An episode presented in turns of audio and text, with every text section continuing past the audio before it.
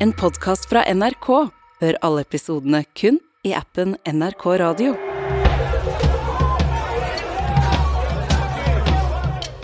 Det blir omtalt som et av de mest alvorlige øyeblikkene i landet. 8. januar, en knapp uke etter at Brasils nye president var tatt til ed, går tusenvis av mennesker til angrep på Kongressen og de viktigste politiske byggene i hovedstaden.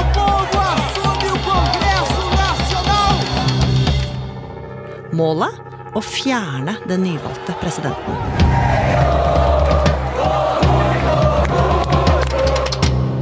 Nå spekulerer mange i om flere med sentral makt kan ha trukket i trådene.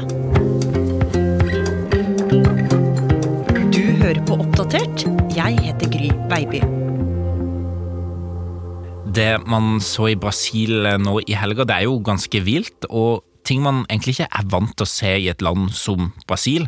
De storma Kongressen, de storma Høyesterett, og de storma presidentpalasset, og det får jo mange til å tenke på et angrep som skjedde nesten nøyaktig to år tidligere i et land litt lenger nord. Den ble i Washington DC. Og mange lurer jo nå på om de kan ha vært eh, inspirert av de amerikanske stormerne. For det ligner jo ganske mye på hverandre, disse to angrepene. Ikke bare stormer de Kongressen, men det er jo en tapende president som nekter å anerkjenne nederlaget. Lars Hægeland, du er journalist her i Oppdatert. Og dette sinnet som kom til syne under opprøret som endte i storminga, det begynte virkelig å ulme høsten 2022.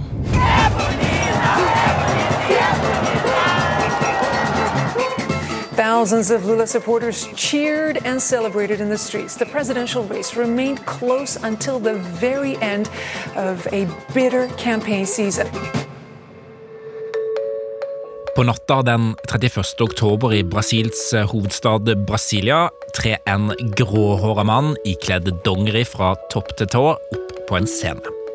Han heter Luis Inacio Lula da Silva, eller bare Lula som han òg kalles, og han har nettopp blitt valgt til landets nye president.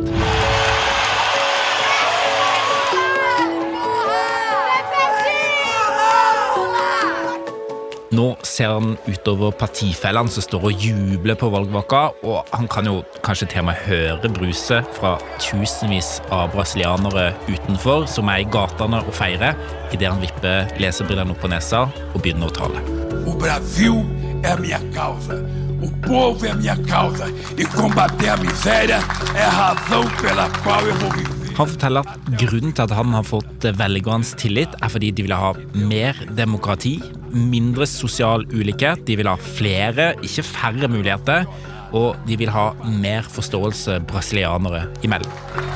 Obrigado.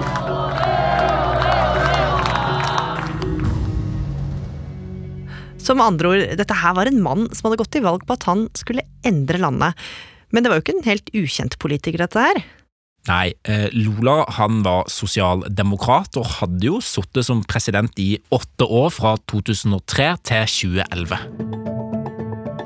Og på den tida så hadde han fått til veldig mye. Han løfta flere millioner folk ut av fattigdom, og flere fikk et velstandsløft.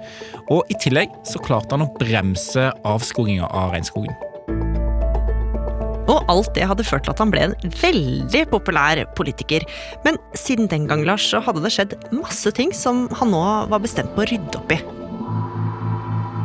Ja, for Brasil de hadde jo fått mange utfordringer de siste årene, og under den sittende presidenten, Jair Bolsonaro, så hadde jo landet slitt, og de sleit fortsatt med en skyhøy arbeidsledighet. Og i tillegg så hadde landet friskt i minne en brutal erfaring med koronapandemien. Det var jo 700 000 personer som døde, og det var jo mye av håndteringa til Bolsonaro. Han bagatelliserte covid-19, selv om Brasil var svært hardt rammet og hundretusenvis døde. Todos nós vamos morrer um dia. Aqui todo mundo vai morrer. O Sérgio vai morrer um dia. Né, Sérgio? I tillegg så hadde jo regnskogen under Bolsonaro bare blitt stadig mindre, og økonomien den gikk dårlig. Og det var jo mye av dette Lola nå lovte han skulle ta tak i om noen måneder, den 1. januar, når han skulle få nøkkelen til presidentpalasset. Men selv om folkehavet foran ham jubla og mange var i ekstase, så visste nok Lola allerede da at oppgaven med å samle landet og skape mer forståelse mellom folk ikke kom til å bli lett. For brasilianerne var jo et ganske splitta folk. Ja, for nesten 50% hadde jo stemt på en annen kandidat, nemlig 69 år gamle Bolsonaro. Han er kjent under navnet Tropenes Trump og er en høyrepopulistisk og ganske konservativ politiker. Og han er jo kjent for å si veldig kontroversielle og nedsettende ting om kvinner, om homofile, om innvandrere. Og mange av de som hadde stemt på Bolsonaro, de var jo nå sinna fordi det var konkurrenten Lola som hadde fått i oppdrag å, å lede de de neste årene. Ikke bare fordi de var uenig i politikken hans, men òg fordi Bolsonaro i lang tid hadde påstått at om Lola vant, så måtte det garantert være valgfusk. Og det minner jo kanskje litt om Trump. Ja, det gjør jo det. Så ikke bare måtte han overbevise tvilerne om at han kom til å klare å gjøre landet bedre, han måtte også overbevise dem om at han faktisk var til å stole på. Ja, for når Lula sist var president, så starta opprullinga av en enorm korrupsjonssak. Flere politikere og flere embetsmenn viste seg å være innblanda, og i 2017 så ble Lula sjøl dømt til nesten 13 års fengsel. Og han satt jo også i 580 dager i fengsel, men så, i 2019, så kom det et eh, vendepunkt, og Høyesterett oppheva den dommen. Men uansett så mente jo mange at oppstyret rundt denne skandalen var mye av grunnen til at eh, Bolsonaro klarte å bli president i 2019. Og måten Bolsonaro styrte landet på, gjorde nok sitt til at Lula bestemte seg for å kaste seg inn i manesjen igjen. De neste åra så jobba han hardt, og i 2022 så ble det altså krona med valgseier. Og mens han venta på å bli formelt innsatt, så brukte han tida godt, Lars. Ja, han reiste rundt i landet og møtte folk. Han lovte de å gjenforene folket og landet. I tillegg så var han jo å se på mange eh, internasjonale møter. Han var i møte med andre statsledere, han var på klimakonferanse og lovte at nå skulle han få slutt på avskoginga i Amazonas.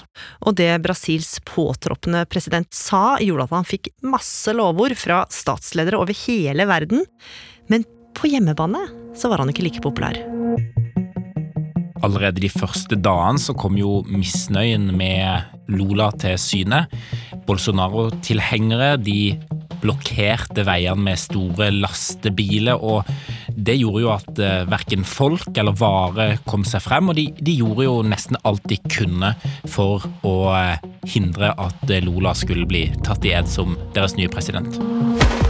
I Brasil måtte politiet gripe inn da tilhengere av Bolsonaro protesterte mot valgnederlaget. Annet ble flere veier i landets største by sperra. Veisperringene har hindra varetransport og ført til landsomfattende problem i tre dager. Og i ukene som fulgte, så spredde protestene seg. Nå begynte Bolsonaro-tilhengere å samle seg utenfor militærbase landet over, og de nærmest trygla militæret om å stoppe denne maktovertagelsen. Og i hovedstaden Brasilia så prøvde jo demonstranter faktisk å ta seg inn i en politistasjon.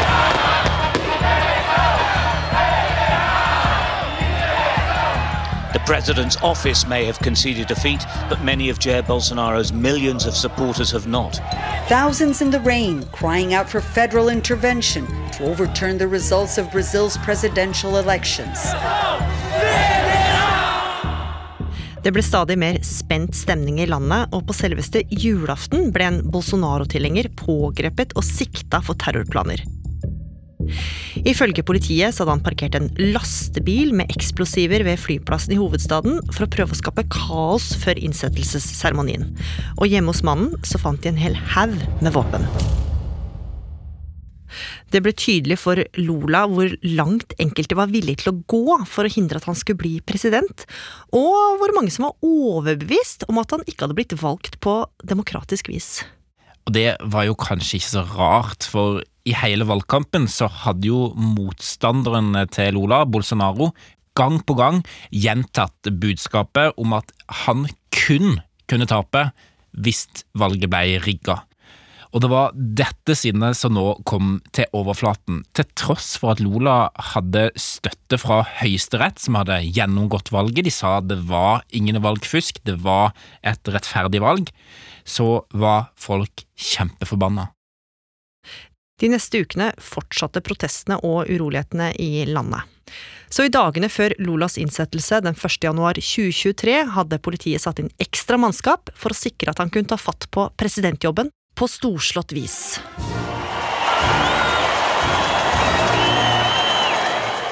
Lola kom kjørende i en åpen bil. Han sto oppe og vinka til de flere tusen folkene som hadde møtt opp utenfor Kongressen for å se han bli bli tatt i ed som landets nye president. Og sammen med et følge av representanter fra alt fra kirka til urbefolkninga, så gikk han opp denne bakken mot Kongressen, og i hånda så hadde han til og med med seg sin egen hund. Og nå hadde han klart det. Han var Brasils 38. president. Viva o Brasil e viva o povo brasileiro!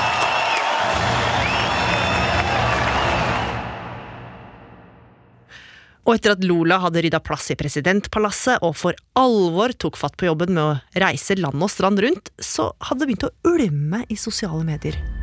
Ja, for i WhatsApp og Telegram hadde flere av Lolas motstandere alliert seg. De hadde lagd gruppe hvor de var enige at de måtte gjøre noe. Og snart så begynte jo å gå rykter om at noe var på gang i hovedstaden, og at det nå var tid for å mobilisere seg. Og etter hvert så begynte jo dette å foregå ganske åpent. Det ble overskrift i avisen om at folk planla opptøyer og demonstrasjoner. Og det ble faktisk også satt opp flere busser så folk kunne komme seg fra ulike steder i landet inn til hovedstaden Brasilia. Og den 8. januar så kunne man se alle disse bussene komme inn til byen. De lessa av flere hundre mennesker, og etter hvert så samlet seg jo flere og flere demonstranter i en svær flokk. Det var flere tusen av dem.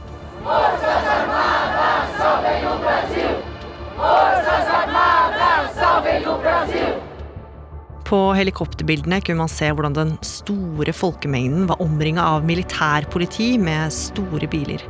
Men så begynte folkemassen å bevege seg, Lars. Ja, de begynte å gå med et klart mål for øye, og det så nesten litt sånn merkelig ut for disse politibilene og politifolkene. Det virka nesten som de eskorterte de av gårde.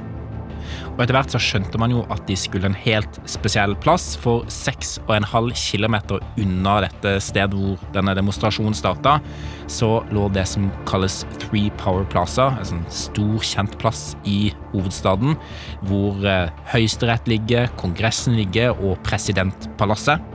Og nå gikk demonstrantene dit, og det som til nå hadde vært eh, fredelig protest, utvikla seg nå til voldelige opptøyer. Breaking situation in Brazil. Thousands of supporters of ousted former President Bolsonaro storming the presidential and congressional buildings, demanding he be restored to power.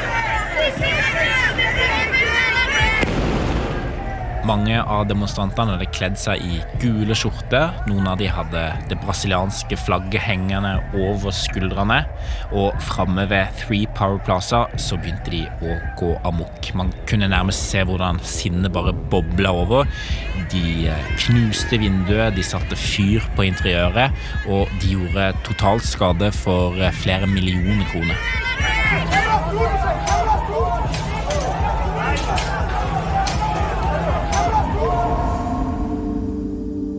Bildene av opptøyene gikk verden rundt, og når gemyttene hadde begynt å legge seg, så la folk merke til noe helt spesielt. Ja, for det så jo nesten litt absurd ut når man begynte å studere bildene av hvordan politistyrkene møtte denne folkemengda.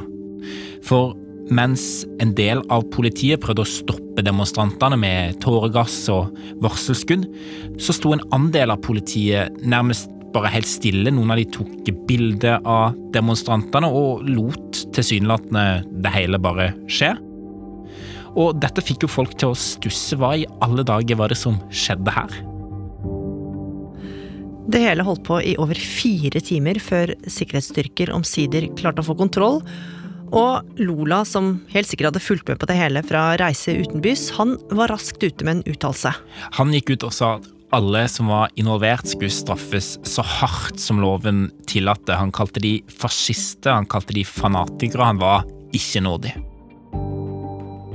Over 300 personer ble arrestert for å ha deltatt i opptøyene.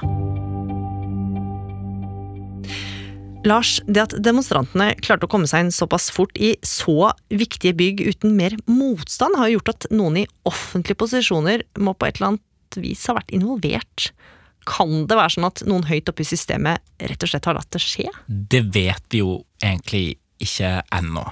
Vi har jo den første situasjonen med politiet som tilsynelatende lot ting eskalere seg. De eskorterte tilsynelatende disse demonstrantene opp mot eh, Kongressen og disse bygningene, og noen av de òg var ikke aktive under sjøle storminga.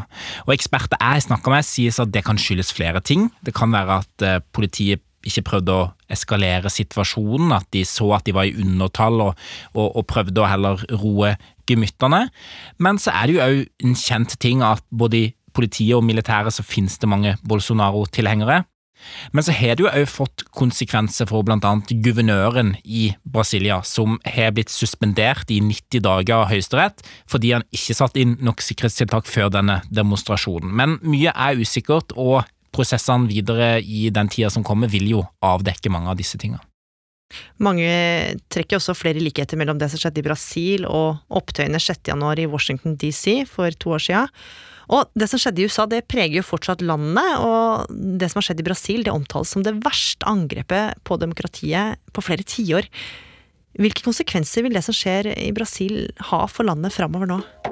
Det er jo virkelig ikke en god start for Lola. Det viser jo hvor splitta det landet han nå har tatt over er. Det er to sider som står veldig langt fra hverandre. Og det blir jo da en viktig oppgave for Lola å prøve å gjenvinne tilliten også hos disse demonstrantene, men veien dit virker jo nå veldig lang.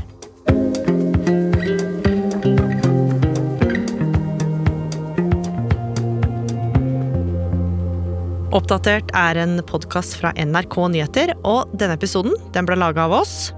Produsent Lars Hægeland.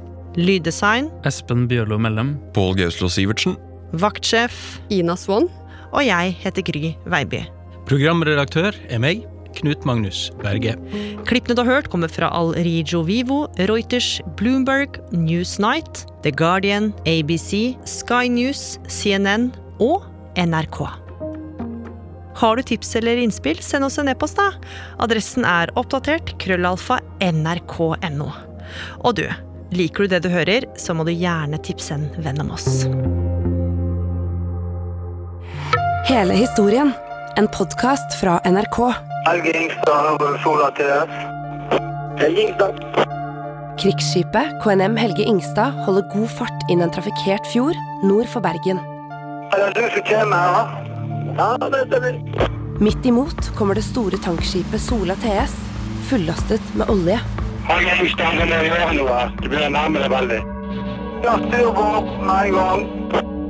Havariet KNM Helge Ingstad hører du i appen NRK Radio.